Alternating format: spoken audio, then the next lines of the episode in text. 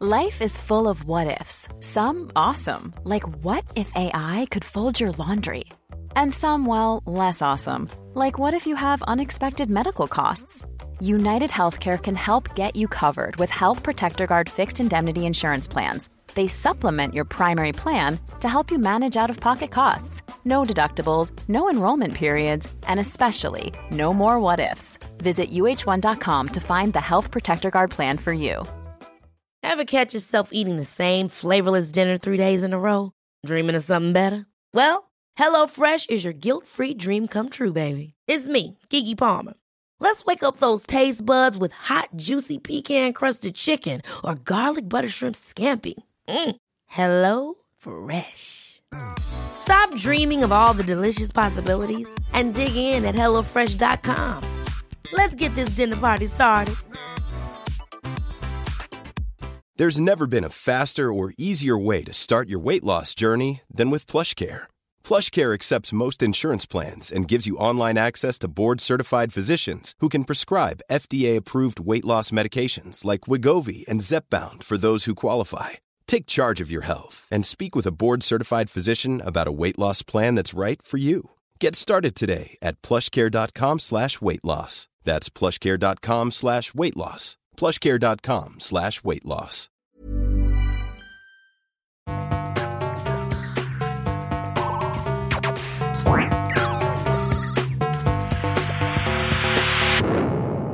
Velkommen til Sinnsyn.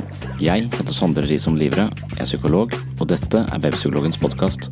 Hverdagspsykologi for fagfolk og folk flest.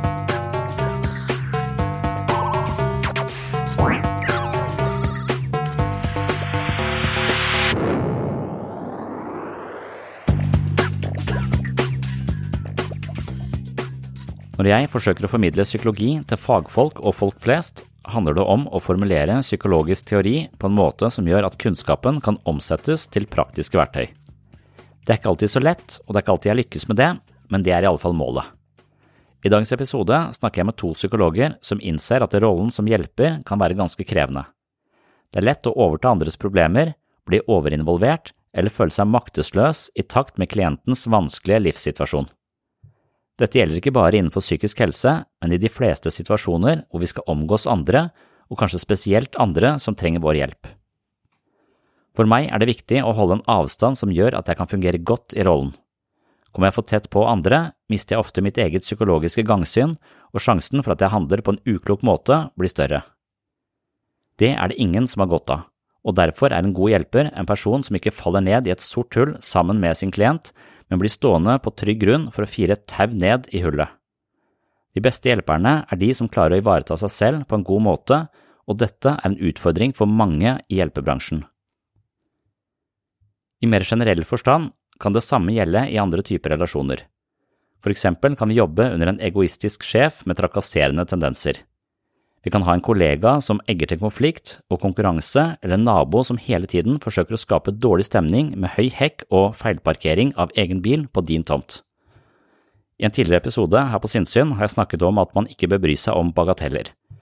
Denne tematikken er litt i samme gate. Hvis man er utsatt for mennesker med kverulerende og relasjonsforstyrra tendenser, er det vår oppgave å ikke bite tilbake med samme mynt. Det er lett å gå i fella, fanges av eh, mellommenneskelig drama, miste nattesøvnen og leve på en underliggende irritasjon som borger for et hjerteinfarkt i altfor ung alder. Eller vi kan opprettholde en passe distanse til problematikken, slik at det andres idioti ikke går utover vår egen helse. Når jeg snakker om å holde passe avstand, handler det altså om at vi ikke må la andre mennesker få kontroll over vårt indre liv, da vi selv bør få lov til å bestemme der inne. I hjelperollen er det lett å bli så engasjert og empatisk innlevende at vi til sist blir en del av problemet, snarere enn en som ikke er tatt av samme malstrøm og derfor har større muligheter for å gripe inn og avhjelpe på en god måte. Å holde passe avstand i hjelperollen handler ikke om at vi skal bry oss mindre, men passe på at vi bryr oss fra en posisjon hvor vi selv ikke tar skade. En skadet eller utbrent hjelper er ingen god hjelper. Det er dette landskapet jeg også mener at man bør ferdes i i møte med narsissister, egoister eller kverulanter. Her følger en kort rant jeg hadde om nettopp dette i en samtale om hvordan man håndterer narsissistiske personligheter. Ja, du skal sitte ganske trygt på stolen din, da. Skal du ikke det, egentlig? For det du sier, altså hvis det er en som har makt over deg, så har du ikke så stort handlingsrom. Men jeg tror det er viktig å ha grenser av stål der også, så jeg tror vel kanskje at uh, man man kan Altså, min væremåte vil jo påvirke alle menneskene rundt meg til en viss grad. Så hvis jeg endrer min væremåte, så vil jo menneskene rundt meg også endre meg. Og hvis jeg har en ambisjon om å endre meg til det bedre, så vil jeg anta at de folka som er rundt meg, også vil uh, uh, ha godt av det. Så poenget her vil vel da være å, å, være i en situasjon hvor du, hvor du må ta et valg, da. Hvis, hvis sjefen er, uh, er såpass ille at det ikke er noe At det ikke er mulig å, å omgås vedkommende, så tror jeg det er nødt til å slutte. Eh, det å være der og hele tiden være misfornøyd med sånn som han er, eh, det, det, tror jeg også er en dårlig strategi. Jeg tror du må velge å si at det, dette her er et eh, hinder, det er, det er, litt av et hinder, men jeg skal uh, gjøre mitt for at dette, denne skuta skal komme på en litt annen kurs. Og jeg tenker vel kanskje at man kan ha såpass mye tyngde i seg sjøl at det er mulig å å ha den innvirkning på andre. For sånn som du sier, at de, de mangler jo da ofte litt eh, korreks fra andre. Så hvis du blir den personen som tør å ikke lyve, altså være oppriktig, som er sånn Hvis du, hvis du tør å, å, være oppriktig hele tiden, eh, så, så, tror jeg du blir sett på som en troverdig person, en eh, person med integritet, og jeg tror kanskje du vil eh, ja, men, jeg tror det er tungt å bære. Jeg tror du må velge. Det er ikke alle som Det er kanskje en lang vei å gå. Hvordan skal du forholde deg til det? Også, noen ganger så forholder jeg meg til mennesker som er åpenbart vanskelig å ha med å gjøre. La oss si et bryllup eller et eller annet, da. noen som, som går liksom til angrep og prøver hele tiden. Så, så, lager jeg sånn fantasi om at de har bleie på, eller bare ser for meg at de, at de er på et sånn umodent nivå, og så hører jeg ikke av og til etter på hva de sier heller. Jeg bare, jeg bare ser på de mer som et slags barn. Og da blir jeg ikke forbanna, for fella jeg går i, er at jeg blir forbanna, for jeg er ganske selvhevdende selv. Så da, da kan jeg ryke uklar, ikke sant. Så blir det en scene, og det blir ikke noe, eh, noe trivelig i det hele tatt. Så jeg er nødt til, å, nødt til, å, klare å beholde en slags sinnsro, og da bruker jeg sånne bare, jeg ser, jeg ser til den mentale alderen, ikke så mye, jeg hører ikke så på hva de sier, jeg bare ser til den mentale, mentale alderen, og så, og så, forholder jeg meg til, til det. Så, så jeg, det er noen som sier det er irriterende folk som sier det, men de sier at det, er ingen andre som kan gjøre deg sint. Altså, jo, det er det. altså, I hvert fall så er det det med meg. Men jeg skjønner jo hva de mener. Altså, vi kan jo ta ansvar for vår egen sinnsstemning. Jeg mener at jeg må gjøre det i sykehuset hele tiden. Altså, hvis jeg skal utføre alle de tingene som de pålegger meg å gjøre, så ville jeg jo ikke kunne behandle pasienter. Og det ville være et slags moralsk uforsvarlig valg, så jeg mener at en viss grad av tjenesteforsømmelse er helt avgjørende for å gjøre jobben sin i offentlig forvaltning. Så hvis du tror du må gjøre alt det den gærne sjefen sier, og følge opp alt, men du, du må gjøre det du kan, og så må du være fornøyd, fornøyd, med det. Du må gjøre deg litt usårlig da, i, i forhold til den, den andre. Må si ja, men den andre har makt over deg. Ja, ja, men, men, du kan jo ikke hvis, du, hvis, han krever at du jobber dobbelt så mye som det som er uh, mulig innenfor den arbeidstida du har, så må du bare gjøre det som er innenfor arbeidstida. Du kan jo ikke eh, gå over. Og hvis han da sparker deg, så har han sparka deg. Da, da, du kunne ikke være i en situasjon uansett. Da kan du si det helt ærlig. Det, det du pålegger meg å gjøre, det er eh, for mye. Jeg har ikke kapasitet til det. Så sier han ja, men da er du dårligere enn det andre. Ja vel, men det, det er det jeg kan klare. Altså, du, du må kunne stå for de jeg vet ikke, du, tingen der. Så, så, hvis du klarer å eh, se på vedkommende som eh, et, et voksen menneske som egentlig er et barn, eller, eller, klarer å lage, tenke på han som et sirkus som kommer inn på kontoret ditt og lager ståhei, så, så, For det, noen ganger når ledelsen, den øverste ledelsen kommer til, til meg, så, så, tenker jeg litt på nå kommer sirkus. For, det, for, greia er at da får du ikke lyst jeg, jeg, får veldig Jeg får ikke lyst til å slå et barn, liksom. så aggresjonen i, i, meg dempes. Uh, så, så, så, jeg kan jeg kan være overbærende, sånn som jeg er overbærende med, med barn. Uh, og det tenker jeg litt er Ja, Ja, du kan opprettholde den, men, men, når du føler at det virkelig går utover deg, så skjønner jeg at det er du, du sitter i ei knipe, altså. Når at, når, hvis du blir forskjellsbehandla, blir kanskje trakassert, kanskje du blir mobba. Det er mange sånne ting. Du skal være ganske solid eh, skrudd sammen for å kunne håndtere noen mennesker. Og Det er jo det som vi i psykisk helsevern også jobber med, også håndtere mennesker som i utgangspunktet ikke er så lett å, å, å, ha med å gjøre, for det er det som er en psykisk lidelse. Da er du ofte ganske fanga av deg sjøl. Og da har vi jo veiledere, vi har jo folk rundt oss som vi kan snakke med, vi har kollegaer, så vi hele tiden kan finne ut av den følelsen av å føle seg helt udugelig som terapeut nå. Den, den er jeg nødt til å lufte. Den, kanskje det er litt udugelighet, men det kan jo hende at den personen som anklager meg for å være helt totalt talentløs hver eneste mandag, også spiller inn på min eh, selvfølelse som terapeut og gjør meg til en dårligere terapeut fordi jeg, jeg lar den kommentaren veie i mitt liv. Du må ikke la andre menneskers kommentarer veie ditt liv hvis det andre mennesket ikke har eh, en virkelighetsorientering som er eh, stabil. Så det, det der er sånne ting vi må finne ut av hele tiden. Hvor, hvor kommer den kommentaren fra, og hvor mye makt skal den få i mitt indre, indre liv? Og narsissistisk sjef, som åpenbart er det, bør ikke få lov til å styre din følelse av egenverdi i noe særlig grad. Dette utdraget var hentet fra en lengre episode om narsissisme som er postet på min Patron-konto. Som de fleste vet, er Patron en side hvor man kan støtte dette prosjektet med en liten sum i måneden.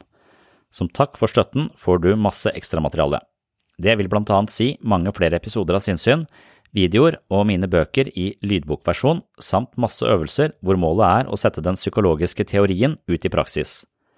Blant de eksklusive episodene på min Patron-konto, som jeg også kaller et mentalt treningsstudio, finner du altså en halvannen times episode som går i dybden på narsissisten og den selvopptatte personligheten. Hvordan skal vi forstå det, og hvordan kan vi håndtere det? Sjekk det ut i dag ved å tegne et medlemskap på mitt mentale treningsstudio. Da var reklamen unnagjort, og dette var for så vidt en eh, avsporing med hensyn til eh, dagens episode, eller kanskje en litt lang og assosierende innledning til en episode som egentlig skal handle om folkeopplysning, psykologers ønske om å spre kunnskap om psykisk helse og hvordan psykologer kan ivareta seg selv i en krevende arbeidshverdag. I denne episoden har jeg altså snakket med to psykologer som nettopp var veldig interesserte i fagformidling, fellesskap og deling av erfaringer. De hadde hørt på sinnssyn, og de hadde tanker om et lignende prosjekt selv, det ble en hyggelig prat, og vi danser rundt eh, temaet selvivaretagelse, faglig kommunikasjon mellom kollegaer, folkeopplysning og en følelse av fellesskap. Jeg har til en viss grad sluttet å holde foredrag fordi jeg bare gjentar meg selv. Jeg forsøker i stedet å gå i dialog med mennesker for å utforske en tematikk dialogisk. Jeg kommer heller ikke her utenom at jeg gjentar meg selv en del, men jeg får i alle fall en del nye innspill. Jeg tenker også på dette som en form for folkeopplysning, og folkeopplysning er nok ganske viktig for meg når det kommer til et stykke. Jeg er overbevist om at folk flest kan ha god nytte av kunnskap om sitt indre liv, og dersom jeg kan si noe selvfølgelig som de ikke har tenkt på før, eller si noe nytt om det de har tenkt på mange ganger, så opplever jeg det som en verdi i seg selv. I tillegg til min egeninteresse i kunnskapsformidling, som betyr at jeg lærer mye selv, og jeg tvinges til å lese videre og utforske psykologifaget, og det setter jeg stor pris på, og da har jeg en slags eh, målsetning om å lese det, skrive om det, snakke om det, og så får jeg denne kunnskapen under huden, så det er min, min prosess for å lære nye ting. Og da er jeg opptatt av vinn-vinn-situasjoner, noe jeg har snakket om i tidligere podkastepisoder. Og når jeg da altså kan bruke denne kunnskapen og også dele den med andre, i tillegg til at jeg får stimulert mitt eh, intellekt, så føler jeg det er en super vinn-vinn-situasjon. Så jeg har altså i meg et eh, stort ønske om å snakke om ting som jeg tror jeg vet noe om, og gjerne ting som kan være viktig eller til hjelp for andre mennesker. Og for eh, ordens skyld så vil jeg gi en kort definisjon av folkeopplysning. Det er altså allmenn undervisnings- og opplysningsvirksomhet retta mot voksne som ikke er ment som yrkesopplæring, Ideelle organisasjoner, biblioteker, folkehøyskoler og opplysningsforbund, og ikke minst engasjerte fagfolk, er ofte pådrivere for eh, det som kalles folkeopplysning. Nå skal du få høre en samtale jeg hadde med to psykologer, Henriette Bjarstad og Kaja Kaspersen, som begge har jobbet som psykologer i et års tid. Nå vil de lage en plattform hvor de bruker psykologifaget til å utforske ulike temaer. I første mail skrev de følgende til meg. Hei, vi har lenge ønsket å starte en blogg for å dele kunnskap og egne tanker om psykologiske og humanistiske temaer. Vi lurte derfor på om du hadde anledning til å svare på noen spørsmål angående det å være på sosiale medier og jobbe som psykolog. Ser frem til å høre fra deg. Og de hørte fra meg i en videochat i slutten av juni 2020. Oh. Hei, hei. Henriette og Kaja. Kaja. Mm. Ja. Mm. Så fint at du kunne At du hadde tid til å snakke litt med oss. Ja. Det var hyggelig, det. Ja. Dere, dere hadde tenkt til å drive med folkeopplysning, er det sånn, eller? Ja. Ja. Vi har jo ja, siden studietiden tenkt på det, og um, at vi har lyst til å eh, gjøre noe eget da, og, og formidle sånn, kunnskap eh, på en sånn tilgjengelig og gratis eh, måte, da. Mm. Ja. Så vi er litt nysgjerrig på, på hvordan det er å være på en måte samtidig i sosiale medier og psykolog. ja. Ja. Tror ikke jeg... jeg, Ja. Jeg vet ikke om jeg føler at jeg nødvendigvis er det, da. Eller sånn, eh, jeg tenker eh, Peder Kjøss er en sånn eh, mediepsykolog. Er en sånn Og mestrer den oppgaven veldig, veldig bra, syns jeg. Mm. Så, um, så, så vi har jo så har jeg en, um, jeg har en niese som har begynt uh, som jobber i BUP, som, uh, som har denne Sykt deg. Jeg vet ikke om du har sett den, jeg delte den uh, på, på mine sider nå. Hun har akkurat startet med det samme, og hun formidler liksom den farta da, som ungdom uh, er vant til. Sånn type 30 sekunder uh, på en sånn, uh, i sånn videoformat på alle disse sosiale kanalene hvor, eh, hvor psykologene er. Så jeg vet ikke om dere sikter mot det voksne, eller eh, er det barn, eh, ungdom, eller? Nei, det er det vi har tenkt litt på. Det har jo endret seg litt opp igjennom. Men nå har vi faktisk snakket litt om å rette mot helsepersonell. Ja. Uh, fordi vi på en måte begge er i en prosess selv. Vi har jobbet som psykologer i et år nå. Ja. Uh, og har snakket mye oss imellom om hvordan vi kan ta vare på oss selv i dette yrket. da. Og på en måte finne mening og glede i yrket. Ja. Og så har vi sett at det har vært liksom mer fokus på det i det siste. Men det er egentlig ikke så mye om det. Så vi tenkte egentlig at det kunne være en sånn interessant vinkling. da. Mm. Det å prøve å skape et fellesskap blant hel helsepersonell å kunne dele og eh, få på en måte tips til konkrete verktøy. Ja. Mm. Ja, det uh, Vet ikke uh, hva jeg tenker om det. Jeg har selv uh, på en måte unngått, nesten sagt, min egen yrkesgruppe. Sånn Mm. mer eller mindre bevisst at jeg ikke har Ja, jeg vet ikke. Jeg, jeg, jeg føler nok at jeg uh, um, Altså, det er, det er lett jeg, jeg, føler jeg legger noen sånne begrensninger på meg hvis jeg snakker til andre psykologer. Uh, for jeg føler de, eh, de vet eh, De kan alt jeg sier fra før. eh, så, så det liksom har vært sånn tryggere å bare eh, snakke til folk flest eh, om de tinga, da. Eller, eller om psykologi generelt. Så, så hvis man skal ha et sånn eh, For psykologer så, så tenker jeg at man det, det krever litt mer kanskje jobb å, å, å sette seg inn i. Men det går an å ha en sånn plattform hvor man intervjuer folk, da, eller snakker med folk. At man lager en arena hvor man ikke selv mener man sitter på, på, på kunnskapen. eh, Eller all kunnskapen, men at det mer er en slags idébank hvor andre spiller inn.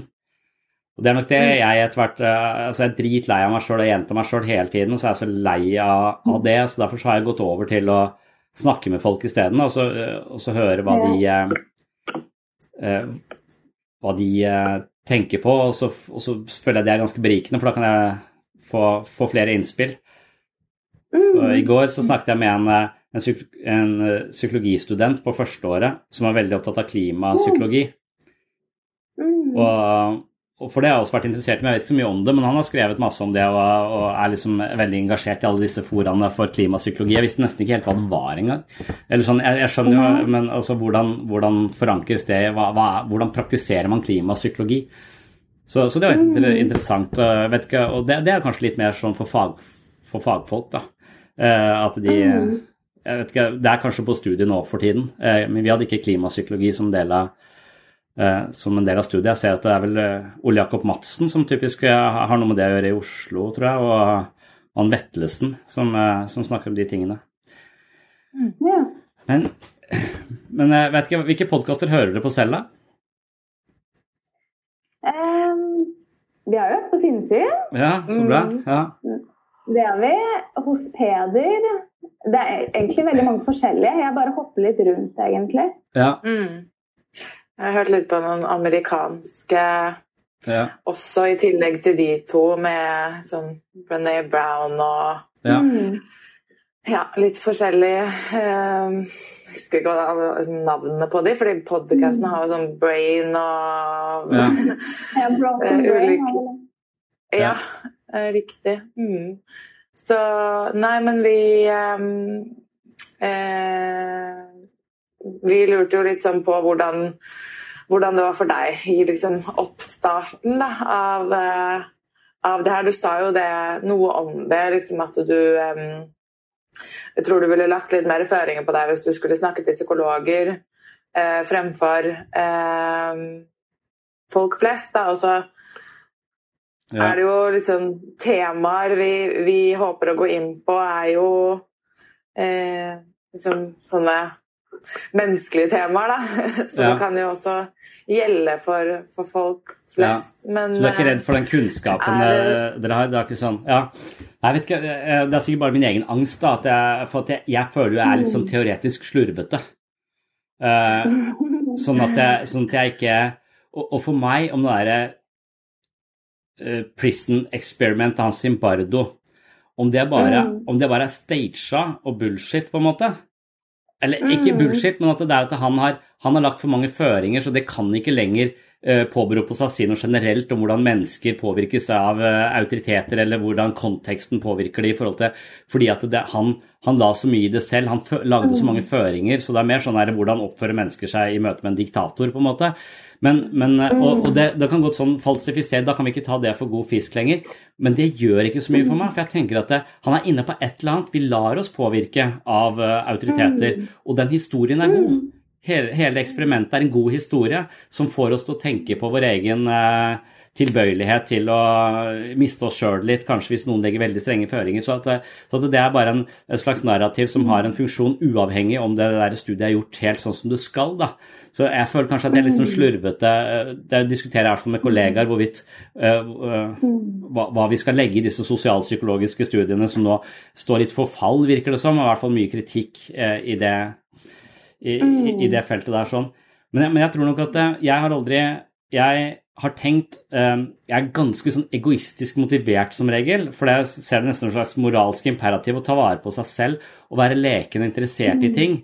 Og så lenge mm. jeg gjør noe som jeg syns er gøy, så tenker jeg kanskje at det, det merker de folka rundt meg, og da det, eh, mm. kan, det bli, kan, det bli, bra. Så med en gang jeg får noen um, føringer fra andre, eller kan vi lage noe Kan du lage noe undervisningsmateriell for denne videregående utdannelsen uh, sammen, så, så, så, så da, da, da, stopper det litt opp for meg, for hver gang jeg har sagt ja til det, mm.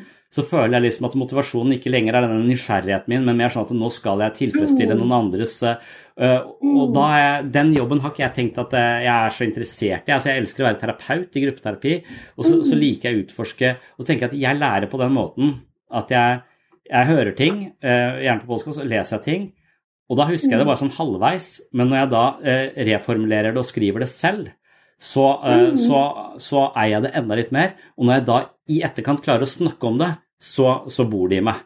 Så, så, det er min egen mm. læringsprosess. Det er litt sånn langsom læringsprosess, kanskje, men jeg tror det var sånn jeg lærte på mm. Jeg studerte i Danmark, da, så jeg tror det var sånn jeg lærte på universitetet også, at vi, mm.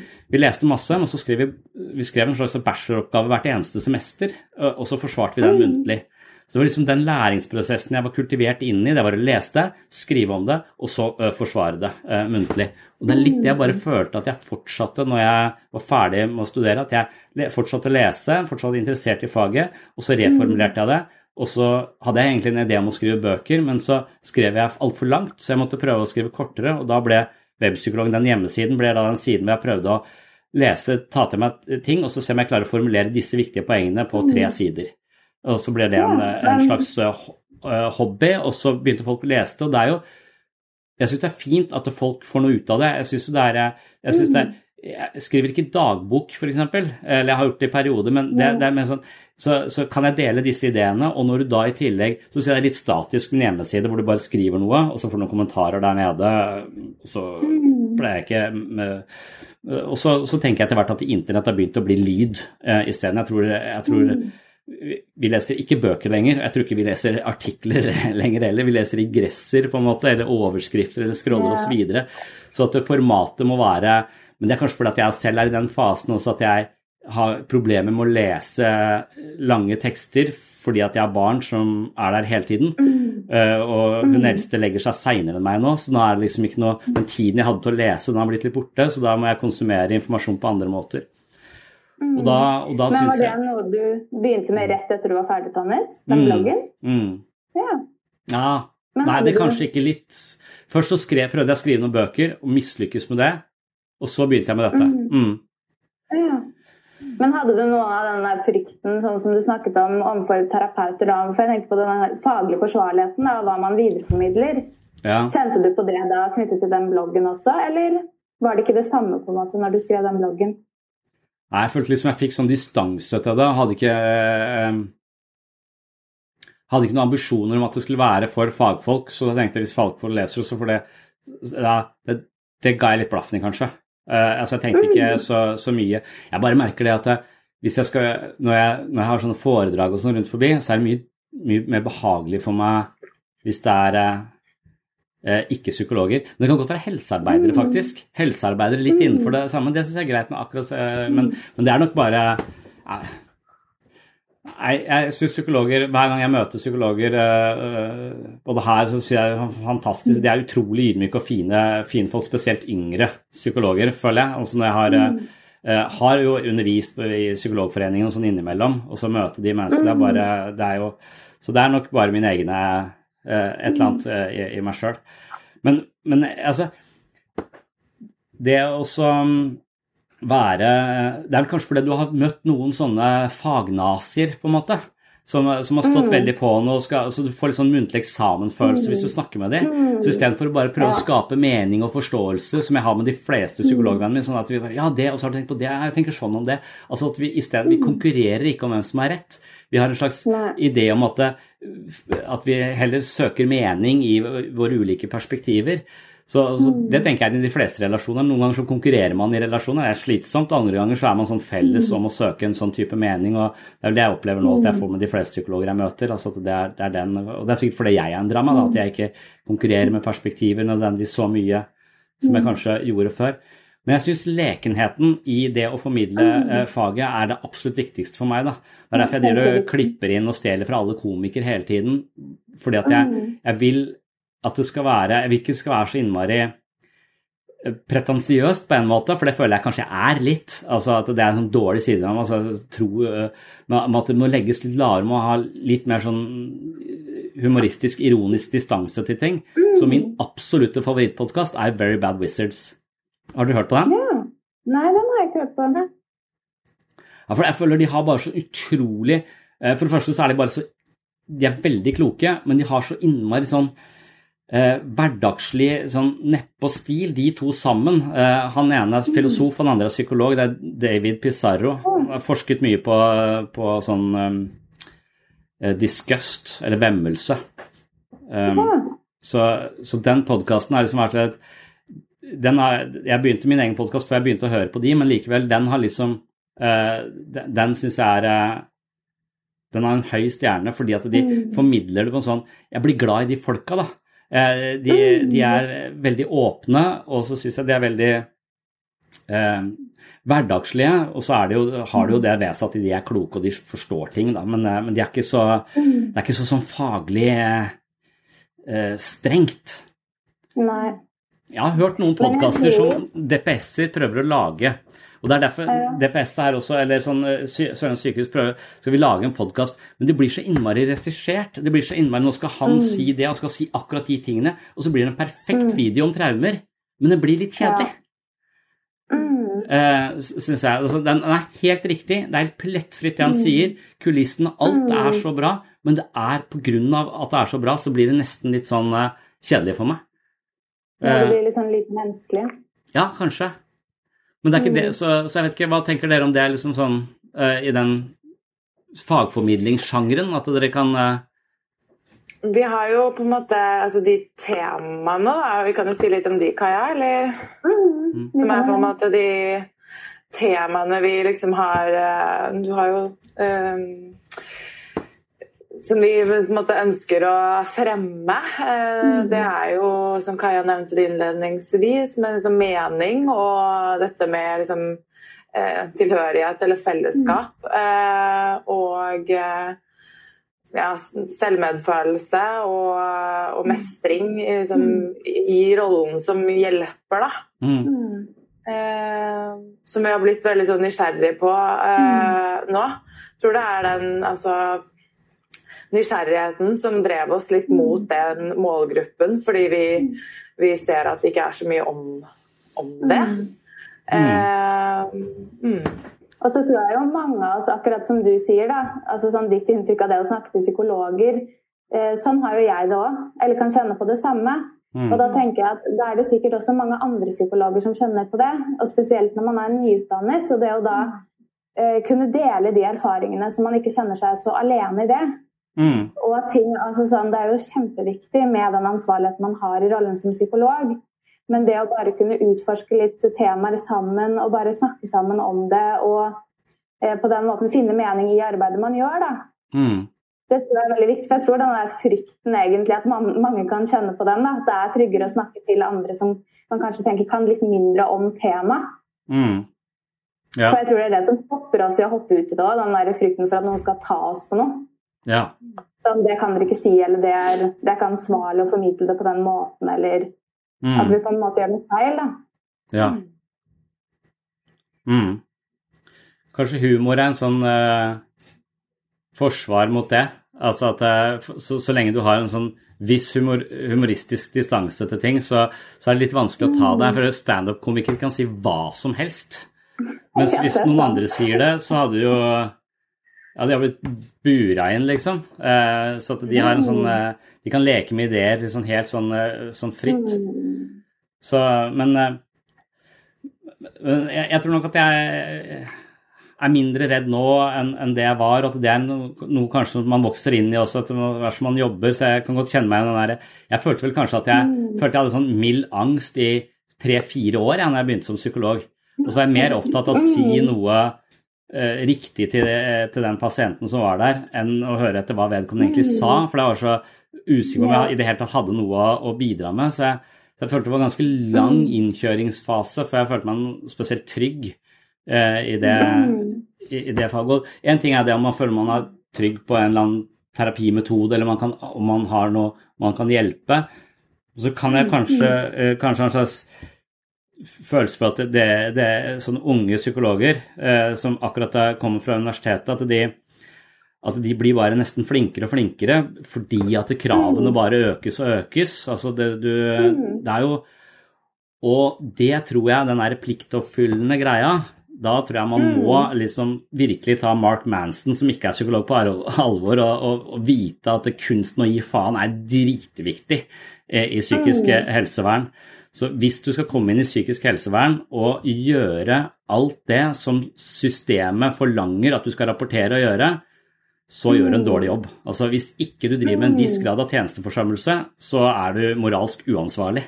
Det er nesten, nesten, så, så det har jeg vært litt sånn i tottene på. Så, mm. så, så, der er nok mye mer sånn ja, jeg, jeg, hvis, hvis, jeg skulle gjort alt som kreves av prosedyrer og sånn, så har jeg ikke gjort noe med mm. mennesker da, i, det, i det hele tatt. Så, så, så det, er nok, det, er nok, mange sånne ting folk, folk sitter, mm. sitter, med, vil jeg tro. Men, mm. men da blir det jo en Mitt forslag til hvordan jeg ville gjort det dere er, er inne på, da, det, det, som jeg også hadde tenkt så, som, som, er min sånn hovedgreie, er biblioterapi. Det jeg kaller biblioterapi. At det er liksom uh, Jeg syns det er den mest spennende arenaen uh, å utforske ting på. Og Da er det ofte fordi man har en sånn faglig fokus i bakgrunnen. Alle har lest en artikkel, og så møtes man og så drøfter den artikkelen. Og Hvis man da har en gruppe som ikke konkurrerer om å være den, den som vet mest, og har bare en sånn undersøkende holdning ja. Jeg hørte du snakket om det i en av uh, podkast-episodene dine. Ja. Uh, tror jeg. Biblioterapi. Mm. Ja. Mm. Uh, mm, veldig interessant format, holdt jeg på å si. Sånn gruppeformat. Litt som kombinasjon av kunnskaps... Mm. holdt jeg på å si forveksling og veiledning på en eller annen måte, da. Ja. ja. Eller sånn, ja. Ja, nettopp. Det, ja. Kanskje Fordi, egentlig så bare mm. kopierer jeg de tingene jeg selv har fått uh, utbytte av. For det der med å uh, lære, lese, skrive, videreformidle, det er liksom en sånn uh, sirkel. Men så gikk jeg jo, med en gang jeg begynte å jobbe, så begynte jeg på IGA, altså Institutt for gruppeanalyse. Og da gikk jo du fra mm. egenterapi til veiledningsgrupper hvor vi hadde lest en tekst som vi drøfta i den gruppa, til å gå i en sånn storgruppe, eh, som var et helt eget eh, konsept. Men det er nesten litt det Den derre veiledningsgruppa har jeg på en måte adoptert inn i psykisk helsevern og bruker den med istedenfor å drive forelesninger om psykoedukasjon, liksom, så, eh, så kan, jeg, kan, vi drøfte, drøfte de temaene. Og, og, hvis du har veldig dyktige folk som snakker om interessante ting, da, så er det, det er, tror jeg det er eh, fint å høre på. Så, så, hvis man hadde Så dette her er jo et, et forslag. Hvis vi hadde vært eh, tre, tre, til her og hatt et tema, mm. lest en artikkel, hva slags opplevelse får vi? Hvordan leser vi oss selv inn i dette, denne tematikken? Hvordan er dette um, Ja. At, at det, det, kunne være en sånn eh, For da, da, sørger man for å få ganske mange perspektiver, og så har det en faglig forankring at man har forplikta seg til å lese kanskje litt kort tekst, så ikke det blir sånn der overveldende. Og så kan jo dette her være en biblioterapi her vi sitter nå, liksom. Mm, ja. For um, vi har jo som if, um, Jeg tenker på det du sa om altså, de tre-fire første årene, og hvordan du liksom hadde en mild angst uh, underveis da. Vi har jo vi lurer jo på da, om det er noe Vi antar at kanskje flere, mm. flere har det på den måten. Og mm. ville jo uh, Så vi er veldig nysgjerrig på liksom, hvordan Eh, ja, litt den derre prosessen, eh, egenprosessen i det å ja, være nyutdannet psykolog eller annen type mm. helsepersonell. Da. Eh, og eh, jeg vil jo gjerne liksom, kanskje spørre folk litt mer om det. Mm. Sånn eh, veldig interessant å høre dine liksom, mm. din utvikling, eller sånn Ja, mm. hvordan du har tatt med deg ideer og Hva skulle du si, Kaja? Nei, jeg bare tenkte fordi Det er jo det vi ønsker, liksom ha en sånn der utforskende tilnærming. Ikke den der at vi har svaret, vi vet. For det gjør vi jo ikke. Nei. Um, men i hvert fall noe av det som uh, betydde mest for meg når jeg begynte, uh, var et pensum jeg hadde i København som var artikler. Hvor det var sånn kvalitative analyser sånn av nyutdannede psykologer og deres ja. erfaringer. Ja. Og da leste jeg det, og var sånn Kjenner meg igjen i det? Jeg kjenner meg igjen i det. Ja. Og da fikk jeg en sånn trygghet i den opplevelsen. Ja. Så da var ikke det noe som satte meg ut i terapien med pasienten, f.eks. For eksempel, fordi at jeg på en måte Ok, det her er helt normalt. Ja. Det er ikke noe krise at jeg kjenner på det her nå når jeg sitter her og eh, har denne pasienten overfor meg. Eh, og det tror jeg mange ville hatt utbytte av. da. Bare det at du sier det at du hadde litt mild angst i noen år, bare det tenker jeg betyr masse. Mm. Høy angst det jeg også si innimellom. Ja. ja men jeg, jeg innbiller meg at jeg i den perioden da eh, gjorde litt det samme som deg, at jeg oppdaget uh, Eller jeg er sånne, De som driver med sånn OCD og sånn, de sier 'hva er norsk standard'? Pleier alltid å si. Eh, og jeg lurer på hva er egentlig norsk standard for angst når du går inn i en ny jobb? og da Akkurat som jeg regna ut at siden jeg er pålagt å gå i veiledning i fem år, så regner jeg med at de, de ser for seg en femårsperiode. og, og, at, og, og, da, hvis du vet det, Eh, så er det litt lettere å, å, å vite at men, men, jeg tror veldig mange at Det er et sånn generelt psykologisk tema at man går inn i en ny situasjon, og så opplever man høy angst, og så tenker man at det er feil, siden jeg har så, føler så stort ubehag, og så trekker man seg unna. Så, så det er en sånn, litt sånn feil forståelse. Men det å bli trygg i en rolle og trygg på et fag og trygg på seg selv, det kan jo ta Noen har det sikkert umiddelbart, da, men, mens andre vil bruke ganske lang, lang tid på det. At det er innenfor normalområdet. Det er nok også litt det ja, som viktigste faktoren i det jeg driver med gruppeterapi, at folk eh, innser at eh, jeg trodde jeg var aleine eh, med dette, men nå skjønner jeg at vi er, vi er helt like. Ja, mm. ja vi, vi Noe av det vi har snakket mest om, det er den, den dele, delaspektet ved det. Ulike måter å mm. gjøre det på. Eh, hvor har du studert den? Du har vært i København, Kaja? Og jeg var i Århus. Du var i Århus, ja. ja. Så var vi sammen i Lillehammer først, da. Ja, ok. Ja. ja. ja. Og jeg var i Aalborg. Men du hadde også vært ja, Du var i Aalborg. Ja. Så har vi dekket alle de byene. Ja. Mm. Hey, I'm Ryan Reynolds. At Mint Mobile, we like to do the opposite of what Big Wireless does. They charge you a lot we charge you a little. So naturally, when they announced they'd be raising their prices due to inflation, we decided to deflate our prices due to not hating you. That's right. We're cutting the price of Mint Unlimited from $30 a month to just $15 a month. Give it a try at mintmobile.com slash switch. $45 upfront for three months plus taxes and fees. Promo for new customers for limited time. Unlimited more than 40 gigabytes per month. Slows. Full terms at mintmobile.com. Hold up. What was that? Boring. No flavor. That was as bad as those leftovers you ate all week. Kiki Palmer here, and it's time to say hello to something fresh and guilt-free. Hello Fresh. Jazz up dinner with pecan-crusted chicken or garlic butter shrimp scampi. Now that's music to my mouth. Hello Fresh. Let's get this dinner party started. Discover all the delicious possibilities at hellofresh.com. Quality sleep is essential. That's why the Sleep Number Smart Bed is designed for your ever evolving sleep needs. Need a bed that's firmer or softer on either side? Helps you sleep at a comfortable temperature? Sleep Number Smart Beds let you individualize your comfort so you sleep better together. JD Power ranks Sleep Number number 1 in customer satisfaction with mattresses purchased in-store. And now, save 50% on the Sleep Number limited edition Smart Bed for a limited time. For JD Power 2023 award information, visit jdpower.com/awards. Only at a Sleep Number store or sleepnumber.com.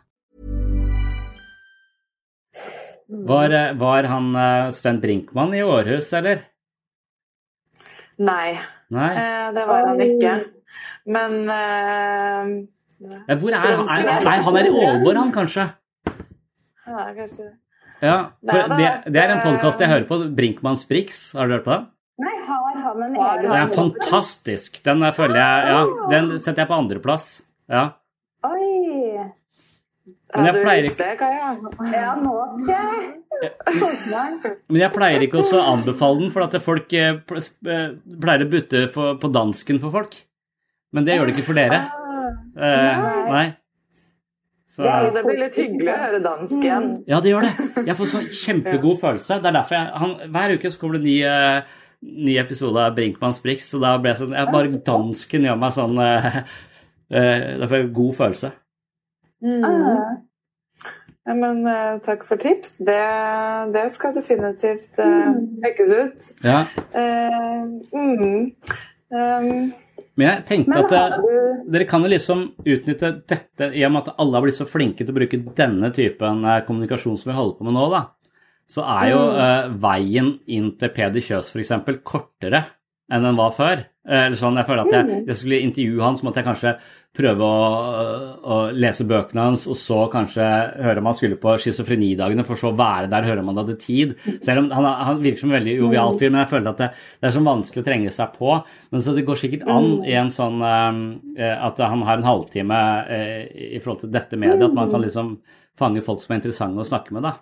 Og som, som sikkert er ganske sympatisk innstilt også til sin egen uh, til sine egne kollegaer, eh, mm. kanskje. Og, så at det kan være en, eh, en, fin plattform.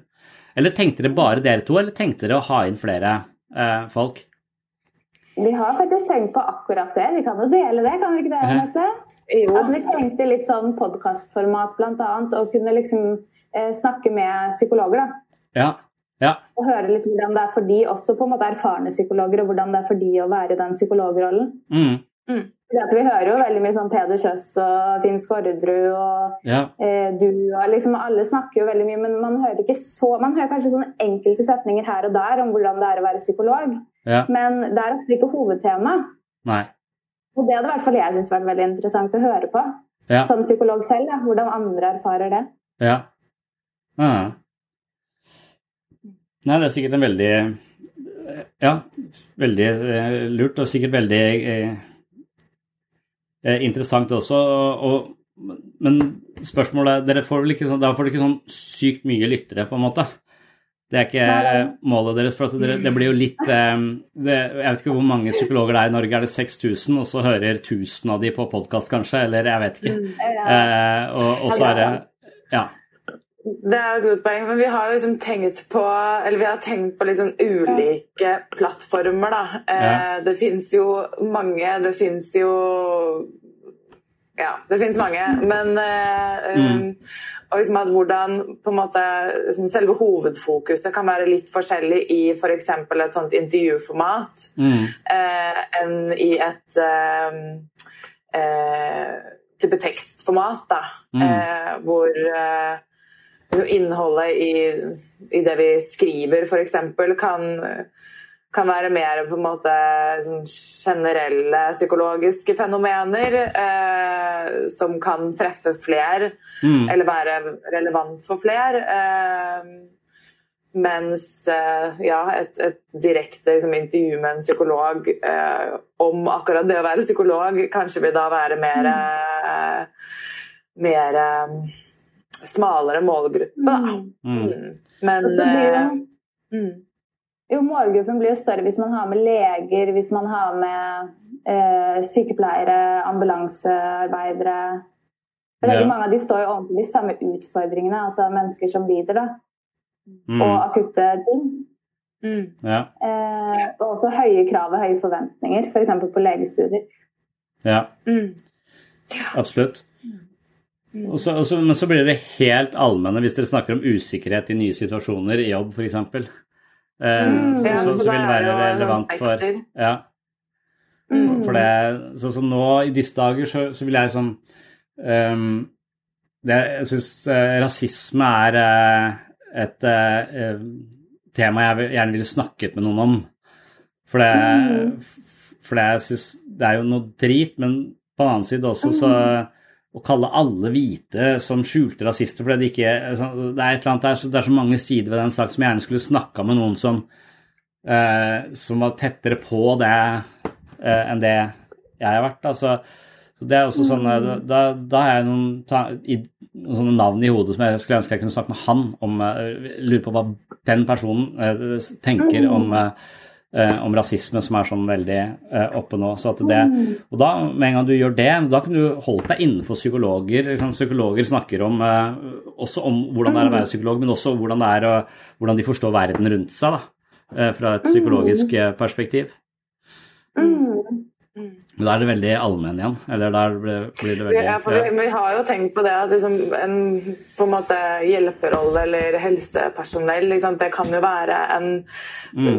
en, en, veldig smal eller en veldig bred målgruppe. For eh, mennesker eh, kan jo ha ulike sånne mm. hjelperoller og mm. eh, Sånn, mennesker som ikke er i en, eh, et sånn type yrke, kan jo også kanskje ha erfaring eller lignende utfordringer som de liksom, mm. temaene som snakkes om. Så det er jo på en måte Ja, det kan liksom Det er et sånt uh, Det er veldig, veldig sånt utydelig Ja, men det er veldig fellesmenneskelig, som du på en måte er inne på der.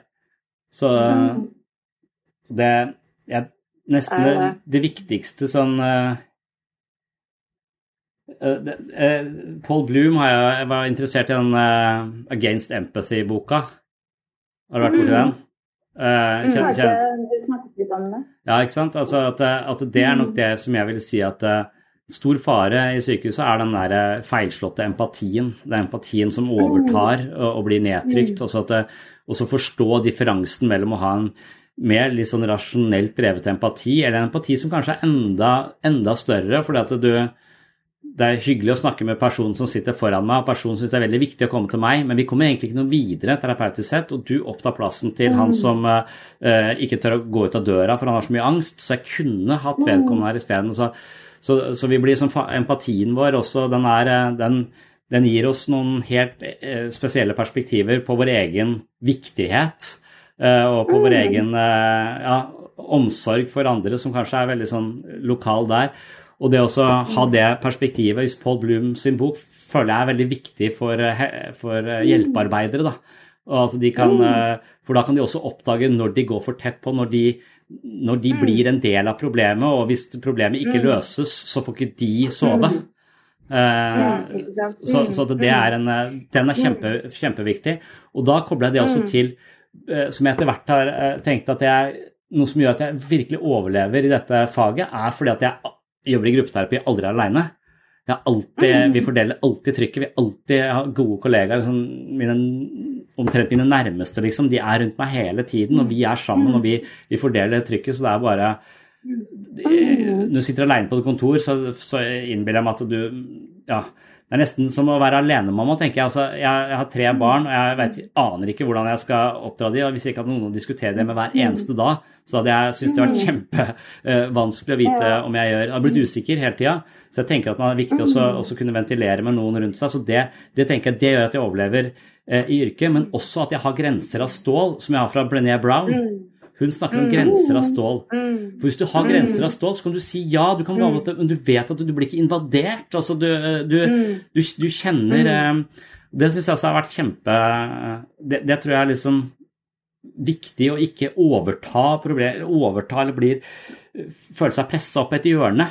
At så jeg, jeg har sånn, sånn, greie med å overleve i dette her at for eksempel så svarer ikke jeg på mail med en gang. Jeg vet ikke, jeg har sikkert vært dårlig på å svare mm. til dere, og jeg vet ikke hvor lang tid jeg bruker, men, men det er som om at jeg, jeg, er nødt til å velge å svare på en mail, for da eier jeg det litt. Men hvis jeg bare blir mm. pålagt å svare på mail, så blir jeg pressa. Mm. Altså livet, livet, jeg kommer ikke livet i forkjøpet. Jeg eier liksom ikke mitt eget liv, og det er så lett å bli utbrent. Så jeg er så innmari oppmerksom på at jeg må eie min mitt mm. liv, så jeg skal svare på mail. Mm. Og det kan være at jeg bare mm. venter fem minutter, men kan også vente to dager. At jeg må liksom uh, mens, mens, jeg føler kanskje at denne pliktoppfyllende psykologstanden uh, ofte bare hiver seg rundt og, og, og, og, er veldig pliktoppfyllende, og at det er et sånn faremoment. At de da må høre med hva sier Brené Brown om grenser av stål, hva er det det egentlig innebærer? Ja, jeg føler du liksom treffer veldig, veldig mye av det vi det vi to snakker om. Ja. Um, uh, som jeg tror da ikke sant, er kanskje noe enda flere kjenner på. da. Absolutt. Um, ja. Sånn den derre Det å ha kollegaer og sånn selvivaretakelse, mm. sånn grenser, og så ja, er det ikke noe som, som kanskje snakkes så mye om, da. Nei. Uh, uh. Mm. Og så det, også det å være autentisk og så slippe å være i psykologrollen eh, det, at, at, at, du i stadig større grad kan bare være deg sjøl. Men da Jeg veit ikke hva da er faren at hvis du er et rasshøl i utgangspunktet, så bør du kanskje gå inn i en eller annen rolle.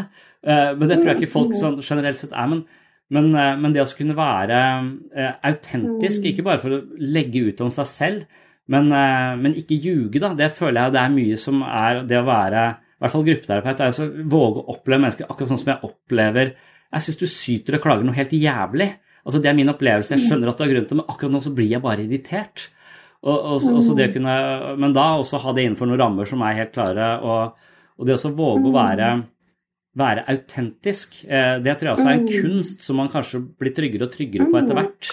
Også, men før det så har man sånn kan man ofte fungere som en slags menneskelig sobril, hvor man ofte har en tilbøyelighet til å si det man tror folk vil høre for å føle seg litt bedre. Eh, og så mhm. forsterker man eh, eh, egentlig avhengigheten til folk. Altså gjør man seg ofte Man blir litt viktig, og det føles bedre her, her og nå. Så jeg, jeg bare, nå tenker jeg virkelig bare på de temaene dere, dere Men jeg tror det er så Bare det å si grenser av stål Jeg husker sånn vagt hva Brené Brown sier om det. Jeg, husker, jeg lurer på om jeg har det fra en TED-talk, jeg vet ikke helt. Men, eh, men det å få utbrodert det det tror jeg hadde vært, eh, altså, Det er sikkert masse nyanser der. Jeg bare har en slags overskrift i hodet mitt som jeg peiler meg litt etter innimellom. Men det har hørt på dere da snakke med noen om det, eller utdype det videre, syns jeg også har vært kjempe, kjempespennende å høre på. Mm. Men det, fordi det med grenser tenker jeg er veldig viktig. Det har vi snakket en del om det og liksom med psykologers egne følelser. da. Mm. Eh, og det å bli bevisst hvilke følelser man kanskje syns er ubehagelige, og hvilke følelser man ja. helt fint kan romme, og også i møte med pasienten. Ja. At f.eks. hvis pasienten kjenner skam, og det er en følelse du selv syns er ubehagelig, mm. så blir det kanskje fort til å prøve å få pasienten ut av den skamfølelsen. Men ja. det vil kanskje ikke være det beste for pasienten for å komme seg videre. Nei. Nei, ja. Eh, så det å liksom bli litt bevisst seg selv og hva som skjer i seg selv, da, mm. som psykolog. Ja. Mm. Og det er litt der veiledninga Derfor man har veiledning, fordi man skal liksom sjonglere det. Mm. Veldig sånn det projektive, at man overtar andres poser uten at man merker det, liksom. At, eh, at mennesker som har det veldig vanskelig, har jo ofte et litt primitivt forsvar, hvor de har et behov for å legge alt dette her et annet sted. Og hvis man ikke mm. vet at eh, disse posene er egentlig ikke mine, jeg bare bærer de for å hjelpe noen andre, da er det litt sånn ålreit å bære poser. For da vet du at du mm. gjør det av en Men hvis du ikke merker at du bærer andres poser, så det, tror du bare at du er selv er så tung. Uh, og så, så mm, det å gå en sånn en sånn felle Det er en veldig fin metafor. ja, det er en sånn, det er sånn jeg av og til tenker på det, at åh, nå er jeg nedtrykket, håpløst. Er det bare mine poser i så fall, eller er det noen som har satt igjen noe på kontoret mitt i dag som, som de glemte å ta med seg? Og kjører jeg innom de på vei hjem fra jobb. jeg gjør jo ikke det, men på en eller annen måte mentalt så kan man faktisk gjøre det. At man kan gjøre det nesten sånn konkret. Så det, er mange sånne og, og, Men det igjen er jo et helt fellesmenneskelig tematikk også. Alle har en eller annen kamerat eller venn eller familiemedlem som driver og forlanger at du bærer posene deres. Eh, og det eneste som skjer med de, er at de blir svakere og svakere i musklene sine. Eh, og du bærer tyngre og tyngre og blir mer og mer irritert på vedkommende. men føler ikke du, Så, det også, så alt går jo fra det fra å være spesifikt kanskje til terapeutrollen, men helt allmennmenneskelig. Mm, absolutt. absolutt. Mm. Det er det jeg syns er så nydelig òg, fordi da blir liksom ikke de skillene så veldig store lenger, egentlig. Nei. Mm. Ja. Og så er det som en sånn, nesten sånn frynsegode. Hvis du lærer mer om deg selv og din evne til å bære og ikke bære poser eller legge det over på andre, så, så er det, det er noe du kan bruke i familielivet òg, på en måte. Ja, At du hele tiden kan prøve å mm. vokse som menneske i møte med andre. Mm. Som er, som er litt mer den der jungianske Freud liksom analyserte folk, mens Jung har denne metaforen at vi to skal på en felles reise, og jeg må forandre meg for at du skal forandre deg. Så er du hele tiden en sånn endringsprosess, Eh, og at det kan være spennende. Mm. Mm. Mm. Ja, det er jo paralleller til foreldrerollen der, i det å mm. romme følelser kanskje uten ja, ja. å i like stor grad uh, uttrykke mm. sine egne. ja. eh, ja. Sånn at det er jo, som du sier, litt sånn veldig fellesmenneskelige temaer, egentlig. Ja. Men så har vi jo tenkt på det at liksom, ja, man har jo liksom, veiledning og ja. eh, Og kanskje liksom, nære personer og eh, andre fora hvor, man kan, hvor man kan snakke om, mm. om eh, det her, da. Men eh, eh, vi tenker jo at at på en måte flere At flere kanskje kjenner på dette, og vi er i hvert fall veldig nysgjerrige på å finne ut av om det er tilfellet, og om det kan være eh, Vi tror jo at et sånn type felles, sånn fellesskapsfølelse, uh, og det å ikke være aleine, og det å kunne uh, dele disse opplevelsene og erfaringene og liksom den utviklingen man er en sånn konstant uh, mm. i, da. Uh, med andre. Mm. sammen med på en måte kunnskap og sammen med verktøy og mm. ja. ja. Kan være Jeg vil si at det, um, jeg, jeg syns ideen deres er god. Jeg, synes det, jeg tror det absolutt er livets uh, rett. Og så kan det være at, den, at, det kan også bli såpass interessant at det, dere spenner bredere enn bare, bare psykologer.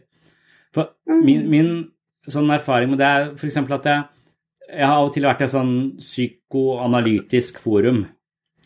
Um, mm. Og når det fungerer, når det er fine folk der, uh, så er det et kjempeinteressant sted å være.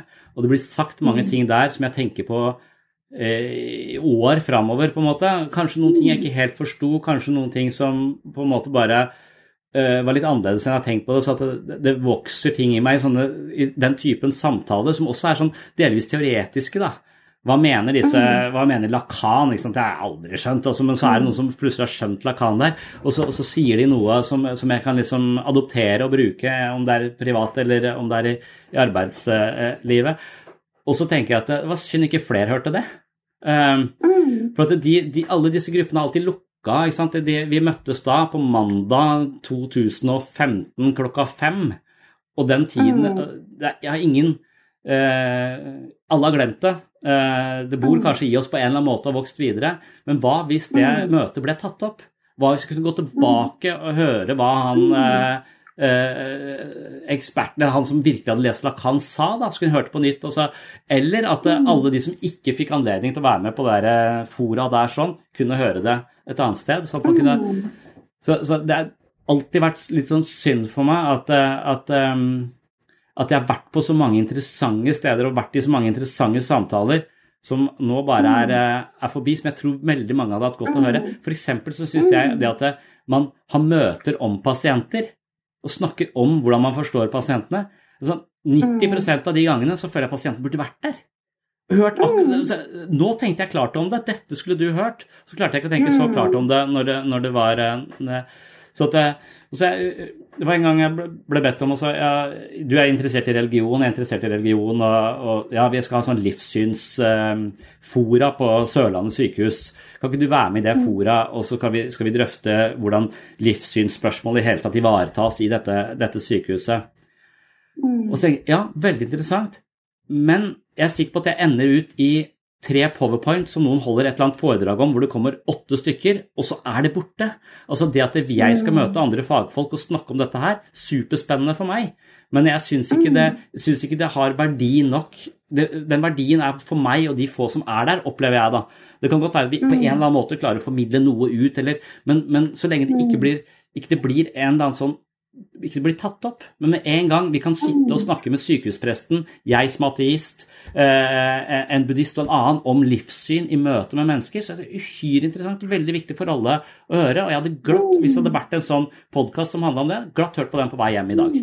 Um, så at dere kan fange akkurat det segmentet der hvor det, hvor det faktisk går an å arrangere gode samtaler mellom, eh, mellom, mennesker som kan være personlige, hvordan oppleves dette, eller noen som vet mye om, eh, om et eller annet. Og, så, og så, så, så, tror jeg det virkelig har, eh, er, er, kan være kjempebra. Ja. Mm. Det jeg syns egentlig alle behandlingsmøter burde vært podkastformat. Så alle pasienter kunne bare hørt på, på det etterpå. Det er litt det samme det er litt det de har i familiepsykologien, er det ikke det? Sånn at de har sånn reflekterende team. Og at man, man, er i noe, og så er det noen som da bare sitter på siden, og så beskriver de det de har sett. Så blir man sett mm. altså at, det, at, det, kan være veldig Ja. Mm, absolutt. Mm. Jeg må jo videre nå kvart over ja. Eh, ett. Mm. Men eh, eh, Skal dere gjøre dette i regi av jobb, eller skal dere gjøre det i regi av bare dere selv som hobby, liksom? I regi av selv. Som hobby? Som deres, eh, ikke som ja. del av jobben? Nei. Mm. Ja. ja. Hva skal det hete?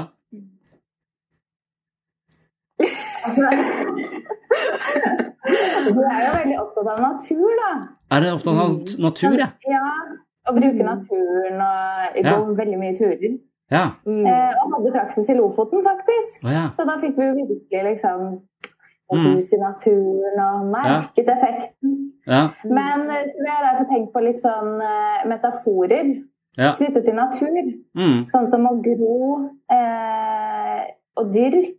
Mm. Hvordan man liksom En slags prosess, da. En slags endringsprosess. Ja. Mm. mm. Vi har tenkt ut i de baner. Ja. Mm, så vi kom jo kom frem til å kombinere, kombinere noen sånne ord, og det deleperspektivet, da. Mm. Ja. Mm. Så del. Mm. Mm. Ja, men det er, eh, det er Jeg håper det, det blir noe, så skal jeg høre på. Så kan vi dele det i de kanalene som Sinnsyn har, eh, som eh, allerede når egentlig ganske mange. Og så må du sjekke ut en annen variant av det, er det hun nesa mi gjør, som heter Sykt deg.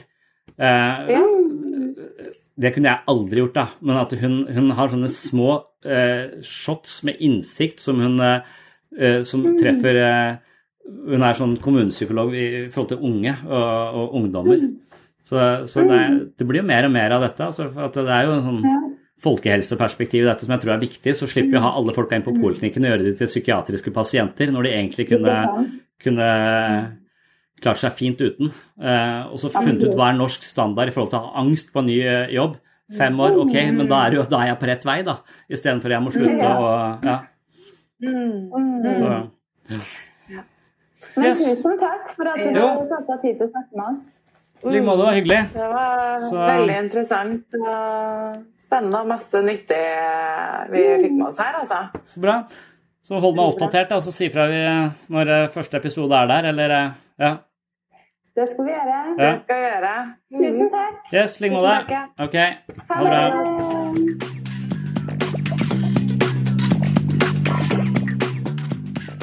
Takk for at du hørte på Sinnsyn, og takk til Henriette Bjarstad og Kaja Kaspersen.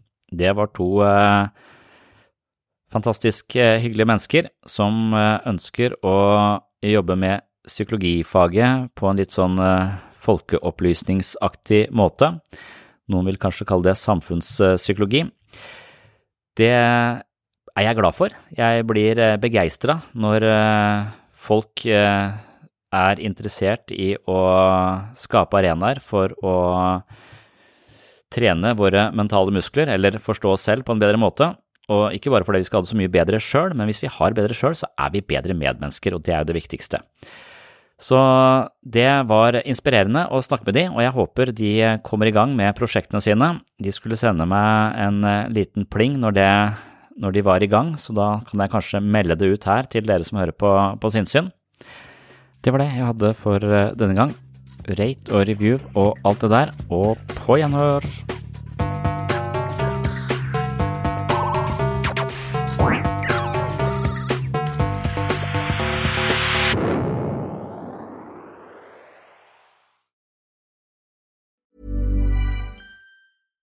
Mom deserves the best, and there's no better place to shop for Mother's Day than Whole Foods Market. They're your destination for unbeatable savings, from premium gifts to show-stopping flowers and irresistible desserts. Start by saving 33% with Prime on all body care and candles. Then get a 15-stem bunch of tulips for just $9.99 each with Prime. Round out Mom's menu with festive rosé, irresistible berry chantilly cake, and more special treats. Come celebrate Mother's Day at Whole Foods Market. Ever catch yourself eating the same flavorless dinner three days in a row? Dreaming of something better? Well, HelloFresh is your guilt-free dream come true, baby. It's me, Gigi Palmer. Let's wake up those taste buds with hot, juicy pecan-crusted chicken or garlic butter shrimp scampi. Mm. Hello Fresh. Stop dreaming of all the delicious possibilities and dig in at HelloFresh.com. Let's get this dinner party started. Planning for your next trip? Elevate your travel style with Quince. Quince has all the jet setting essentials you'll want for your next getaway, like European linen, premium luggage options, buttery soft Italian leather bags, and so much more. And is all priced at 50 to 80% less than similar brands. Plus, Quince only works with factories that use safe and ethical manufacturing practices.